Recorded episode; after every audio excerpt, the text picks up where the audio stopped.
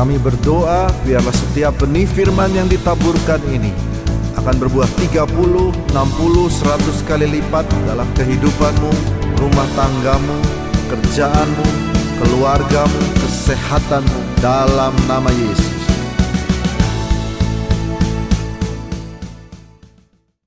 Sama-sama kita berikan kemuliaan bagi Yesus Kristus. Come on, ibadah jam 1 siang, you can do better than that. Lebih meriah lagi. Saudara udah pak istirahatnya yang paling banyak, yang paling cukup. Come on, come on, come on. Hey saudara bersuka cita pada siang hari ini. So, hari ini saya mau baca dari Galatia 5 ayat 1 sampai 16, but we're gonna skip some verses. Dan kiranya saya uh, kasih satu konteks atau pengertian dulu tentang Galatia 5. Di Galatia 5 kita melihat uh, Rasul Paulus berhadapan dengan isu atau satu masalah uh, di jemaat di gereja-gereja awal. Nah, di situ Rasul Paulus mendapat satu pewahyuan dari Tuhan akan hukum Taurat yang telah diberikan dari perjanjian lama. And there were a few things yang Rasul Paulus pada saat itu rasa it was wrong. It's, it's, the, the, the, the, jemaatnya tidak melakukannya dengan benar dengan baik. They were just doing things wrong and and it just needed some correction. Apa yang Rasul Paulus ingin sampaikan di Galatia 5 yaitu bahwa um, having just ceremonial laws atau uh, apa uh, ritual ritual religi religius itu tidak cukup untuk membuat kita righteous atau benar. Bukan berarti kita rajin ke gereja itu membuat kita benar, bukan berarti lebih benar dari yang lain, bukan berarti kalau kita perpuluhannya lebih besar dari saudara kita itu berarti kita uh, lebih kudus. It's not about that. All those stuff, all those things itu penting, kita penting untuk memberi, penting untuk uh, memberikan persepuluhan kita. All that stuff is is is um, is important. Tapi yang lebih kita harus ketahui bahwa kasih karunia Tuhan, the grace of Christ is our sole hope for salvation and for freedom.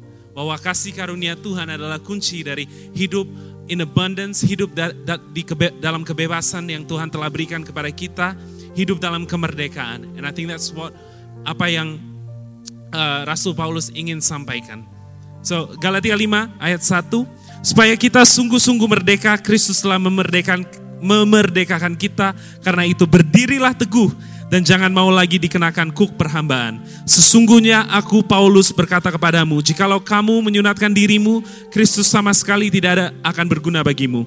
Sekali lagi aku katakan kepada setiap orang yang menyunatkan dirinya bahwa ia wajib melakukan seluruh hukum Taurat. Kamu lepas dari Kristus jikalau kamu mengharapkan kebenaran oleh hukum Taurat, kamu hidup di luar kasih karunia. Sebab oleh roh dan karena iman kita menantikan kebenaran yang kita harapkan. Sebab bagi orang-orang yang ada di dalam Kristus Yesus, hal bersunat atau tidak bersunat tidak mempunyai sesuatu arti. Hanya iman yang bekerja oleh kasih.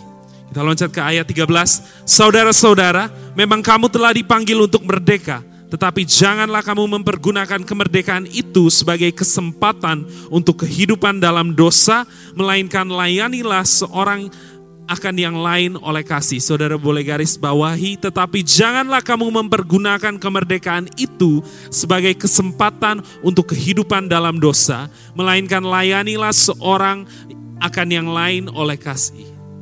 Sebab seluruh hukum Taurat tercakup dalam satu firman ini, yaitu kasihilah sesamamu manusia seperti dirimu sendiri. Tetapi jikalau kamu saling menggigit dan saling menelan, awaslah, supaya jangan kamu saling membinasakan, Maksudku ialah hiduplah oleh roh, maka kamu tidak akan menuruti keinginan daging.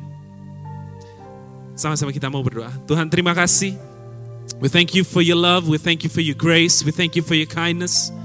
Kau begitu nyata dalam hidup kami. Kalau siang hari ini kami dapat berkumpul di sini, Tuhan kiranya Engkau berbicara kepada kami. Speak to every single one of us. Our hearts and our ears are listening akan apa yang Tuhan mau berbicara kepada kami pada siang hari ini. Kiranya Engkau yang terus beracara, kiranya Engkau bertahta di tempat ini ya Bapa. And would you fill us up with your Holy Spirit. Dalam nama Tuhan Yesus, sama-sama katakan amin. Di keseharian kita, sekarang kita banyak mencari atau kita menginginkan kebebasan. We want financial freedom, right? Kita ingin ada kebebasan, maybe ada satu breakthrough di dalam keluarga kita. Mungkin kebebasan untuk memilih di mana kita bekerja. You know, mungkin ada yang mau WFB, work from Bali, atau ada ada juga yang ingin kebebasan untuk bisa memilih makanan apa saja. Maybe ada yang mem, yang nggak sabar untuk mempunyai SIM motor atau SIM uh, untuk mengendarai mobil supaya mereka bisa berkeluyuran sampai malam. Anak-anak muda pergi tanpa you know just have that ultimate freedom. And you know even without dengan dengan handphone kita, we can download whatever apps we want. Kita bisa call whoever, SMS siapa pun, message whoever we want. Dan di masyarakat kita, hukuman yang paling berat adalah di saat semua kebebasan itu diambil. You know, if someone mungkin buat anak muda, if your parent, mama kamu ambil HP kamu, kamu langsung, ah, mama melanggar hak asasi manusia. Aku sakit, ini gak baik buat aku. You know, but you know the, the scandal of freedom in Christ is that we are really, truly 100% free.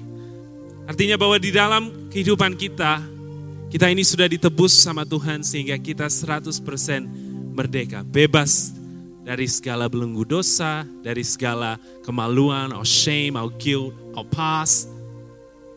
We've been set free. Tetapi banyak dari kita, we don't act like we're free. Sehari-harinya kita, kita lebih memilih untuk tetap berada di lingkungan yang seharusnya kita nggak berada di lingkungan itu.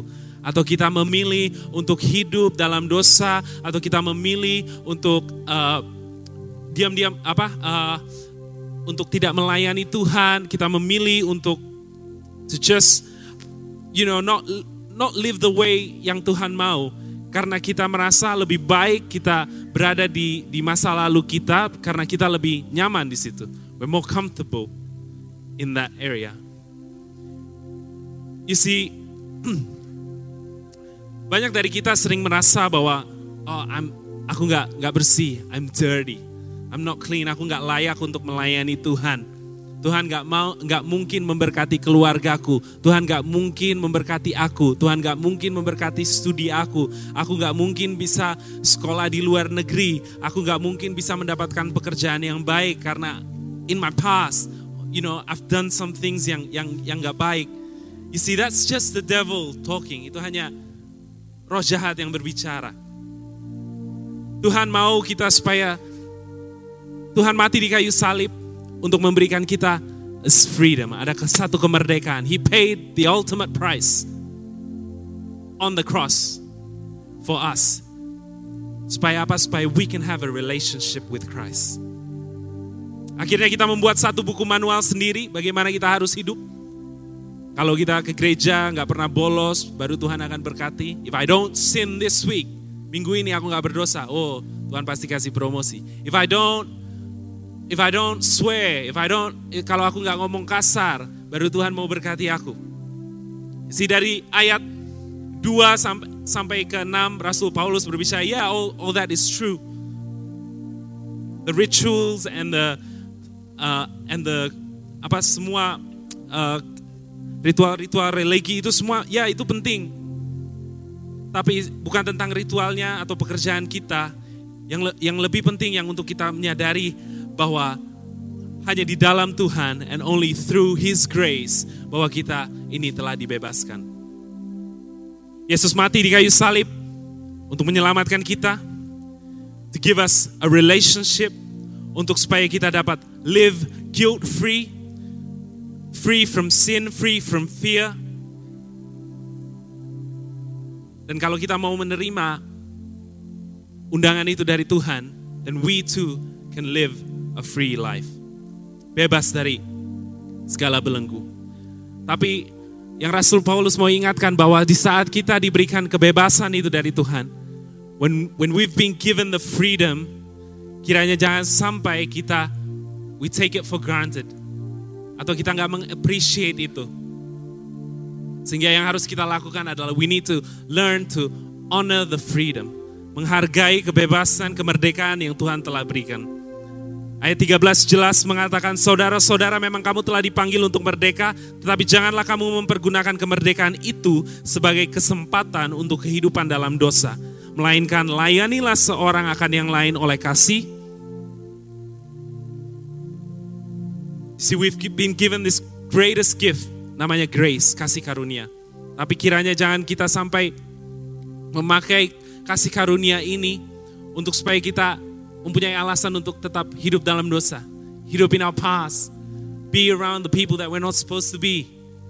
Menjalin hubungan yang seharusnya kita nggak menjal, yang nggak jalin. Satu Petrus 1 ayat 14 mengingatkan bahwa hiduplah sebagai anak-anak yang taat dan jangan turuti hawa nafsu yang menguasai kamu pada waktu kebodohanmu. Di, di uh, bahasa Inggrisnya New Living Translation dikatakan, so you must live as God's obedient children. Don't slip back into your old ways of living to satisfy your own desires. You didn't know any better then. Saya suka banget dengan kalimat katanya, you didn't know any better then. Berbicara tentang how lost we were, betapa hilangnya kita sebelum bertemu dengan Yesus, sebelum menjadikan Yesus sebagai juru selamat kita, kita, sebelum menjadikan Kristus sebagai pusat segalanya. We were so lost, we were in bondage, we were captive, we were weighed down. Dan kiranya kita tahu bahwa kita telah dibebaskan oleh kasih karunia Tuhan. Dan kiranya kita menghargai the freedom, kebebasan dan kemerdekaan yang Tuhan telah berikan.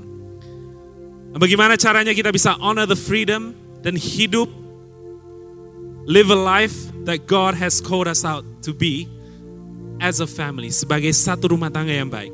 Saya mau kasih tiga quick points saja. Number one, as for me and my house, we will love one another. Mengasihi tanpa syarat, tidak mencari perbedaan tapi saling mengasihi. Ayat 14 Rasul Paulus kembali mengingatkan bahwa sebab seluruh hukum Taurat tercakup dalam satu firman ini yaitu kasihilah sesamamu manusia seperti dirimu sendiri. Your selfishness is a part of our sinful nature. Kita sering memikirkan apa apa yang baik untuk aku, apa yang yang yang yang uh, menguntungkan aku, apa yang enak bagi aku dan untuk orang lain nanti dulu. Isi tapi yang yang Tuhan mau dan yang Rasul Paulus ingatkan untuk kita mengasihi sesama kita. Not just about ourselves, but how can we love one another. Bagaimana kita bisa menyayangi orang tua kita, bagaimana kita bisa menyayangi saudara kita, bagaimana kita bisa menyayangi adik-adik kita, kakak-kakak kita. How can we as a family love one another? Yesus berkata di Matius 22 ayat 37, saya baca bahasa Inggrisnya saja. Love the Lord your God with all your heart and with all your soul and with all your mind. This is the first and greatest commandment. And the second is like it. Love your neighbor as yourself. Kita harus belajar pagi hari ini to put on love first. Untuk mencintai Tuhan, untuk mencintai keluarga kita, that needs to be the first priority of our life. Hari ini saya pakai kemeja, dan di kemeja saya ada kancing, banyak kancing dari atas sampai bawah. Kalau saya kancing yang pertama ini, yang paling atas, if I just do this, kancing-kancing semua yang lainnya fall into place kan, lurus. Gampang lagi tinggal saya ngikuti, and so on and so on, sampai rapi saya memakai baju ini. Benar caranya saya pakai baju ini. Benar rapi, orang juga lihat normal. But what happened, apa yang terjadi kalau misalnya bukan kancing yang paling atas yang saya pakai di kancing pertama, tapi misalnya kancing yang di tengah.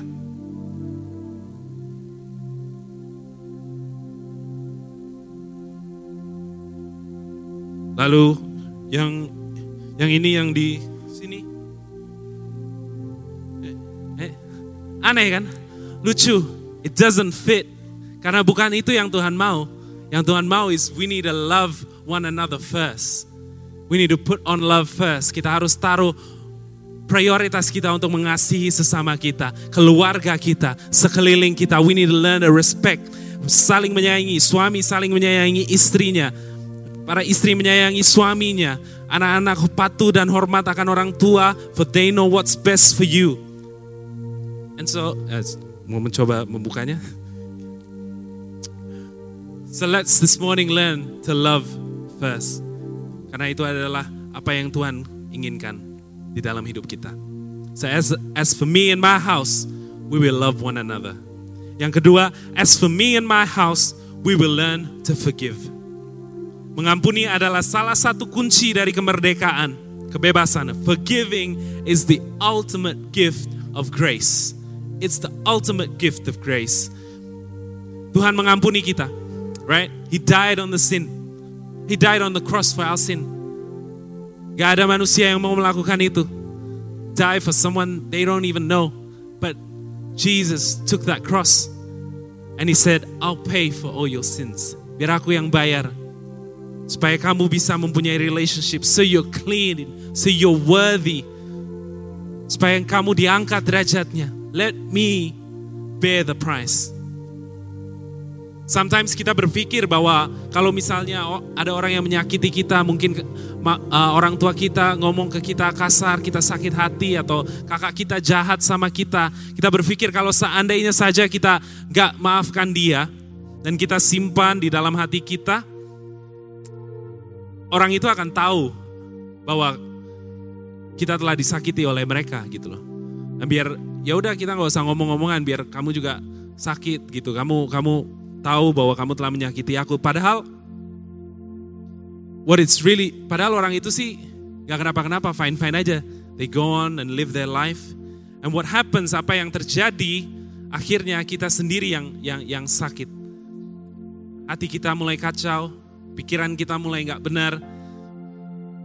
And the and the pain, sakitnya dan amarahnya, it just starts to eat our life away. Efesus 4 ayat 31 sampai 32. Saya baca lagi dalam bahasa Inggris. It says, to get rid of all bitterness, rage, anger, harsh words, and slander, as well as all types of evil behavior. Instead, be kind to each other, tender-hearted, forgiving one another, just as God through Christ has forgiven. Kalau Tuhan saja bisa mati di kayu salib dan mengampuni semua dosa kita, kenapa kita nggak bisa mengampuni sesama kita? Gak ada yang lebih besar yang yang bisa mereka. There's nothing that they've done that is more, you know, greater than than than than, than our sins kepada Tuhan. As we lay down hurt and pain dan embrace forgiveness, kita berkata kepada bahwa the enemy, setan gak bisa menginfluence kita. We want to live the way God has called us to be. And that is to love one another and to forgive one another. Filipi 4 ayat 8. Saya baca dalam bahasa Inggris sekali lagi, nggak apa-apa ya. Toh jadinya les bahasa Inggris gratis pagi hari ini. Keep your thoughts continually fixed on all that is authentic and real, honorable and admirable, beautiful and respectful, pure and holy, merciful and kind, and fasten your thoughts on every glorious work of God, praising Him always. Kiranya kita selalu mempunyai pikiran yang berfokus pada hal-hal yang baik, yang authentic, yang real, yang honor, and beautiful and respectful. Pikiran yang pure, yang kudus, dan tak, tak bercacat, merciful and kind dan kiranya kita selalu berfokus akan pekerjaan-pekerjaan yang Tuhan telah lakukan. Dan kita selalu mengucap syukur.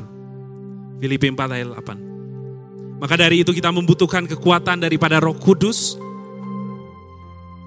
Untuk memberikan kita kekuatan for wisdom. Untuk kita dapat mengampuni sesama kita. Right, we need the Holy Spirit and His grace untuk forgive those who have hurt us. Dan masuk ke poin yang terakhir. As for me and my house, we will live by the Spirit. Kita mau hidup dalam tuntunan roh. Yang terakhir yang Rasul Paulus katakan di ayat 16. Dikatakan bahwa maksudku ialah hiduplah oleh roh, maka kamu tidak akan menuruti keinginan daging. See, we need the Holy Spirit. Kita perlu tuntunan roh kudus. When we're in the valley low, And when we're in the mountaintop, saat kita di, berada di titik terendah kita, bahkan di titik tertinggi kita, kita pun tetap butuh Tuhan. Siapa yang bilang bahwa di saat kamu mencapai puncak, godaannya nggak ada? Oh no no no, it's godaannya semakin banyak, tantangannya semakin banyak, the choices you have to make, being responsible with that, itu tantangannya semakin berat dan makanya itu kita butuh Roh Kudus in the valley low, in the mountain top, di sekolah kita, di ministry kita, di rumah tangga kita, every day and everywhere kita perlu Roh Kudus. Dan janganlah kamu mabuk oleh anggur karena anggur menimbulkan hawa nafsu, tetapi hendaklah kamu penuh dengan roh. Efesus 5 ayat 18 mengatakan, sama-sama as for me and my house we will live by the Spirit. Kita bangun mesbah keluarga setiap malam kita datang ke kaki Yesus as a family. Satu suara meminta pertolongan Tuhan. Meminta His clear direction. Meminta agar Tuhan mengisi rumah tangga ini dengan roh kudus. The spirit of joy, spirit of excellence, spirit of kind, spirit of merciful. Kiranya itu yang Tuhan isi di dalam rumah tangga kita. Kita bangun mesbah keluarga. Kita pergi ke gereja. Kita dengar lagu-lagu gereja yang baik. Supaya pikiran kita selalu memikirkan akan pekerjaan Tuhan yang luar biasa yang Tuhan telah lakukan dalam hidup kita. Bukan pikiran-pikiran yang negatif, pikiran-pikiran yang kotor, pikiran-pikiran yang gak baik. Tetapi pikiran-pikiran a spirit of strength, a spirit of kindness. Pikiran yang real, authentic, honorable, and admirable.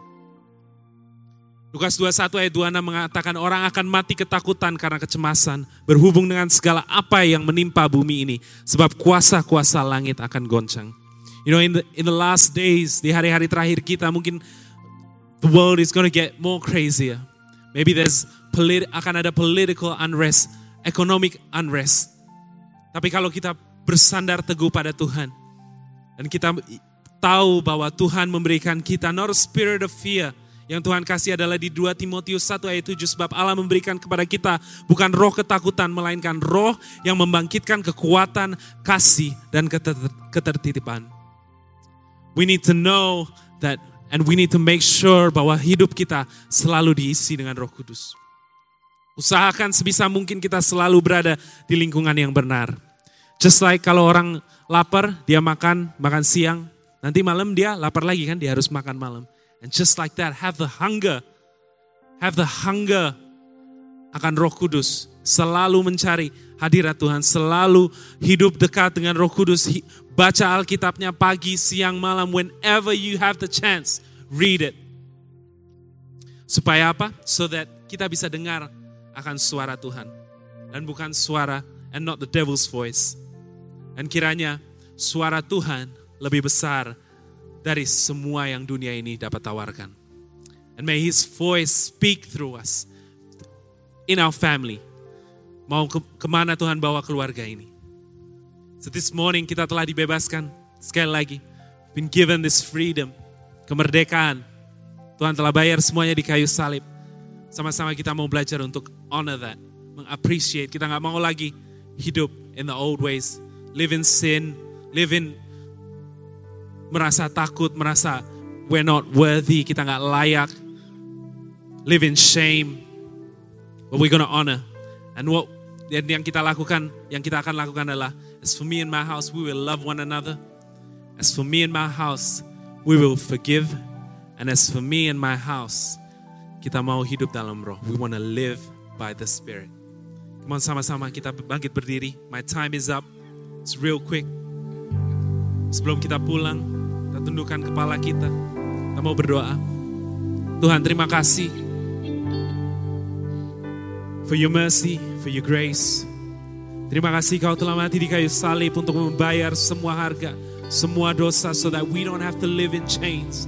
We don't have to live in bondage. We don't have to worry about things that weigh us down karena Engkau telah membayarnya semua Tuhan.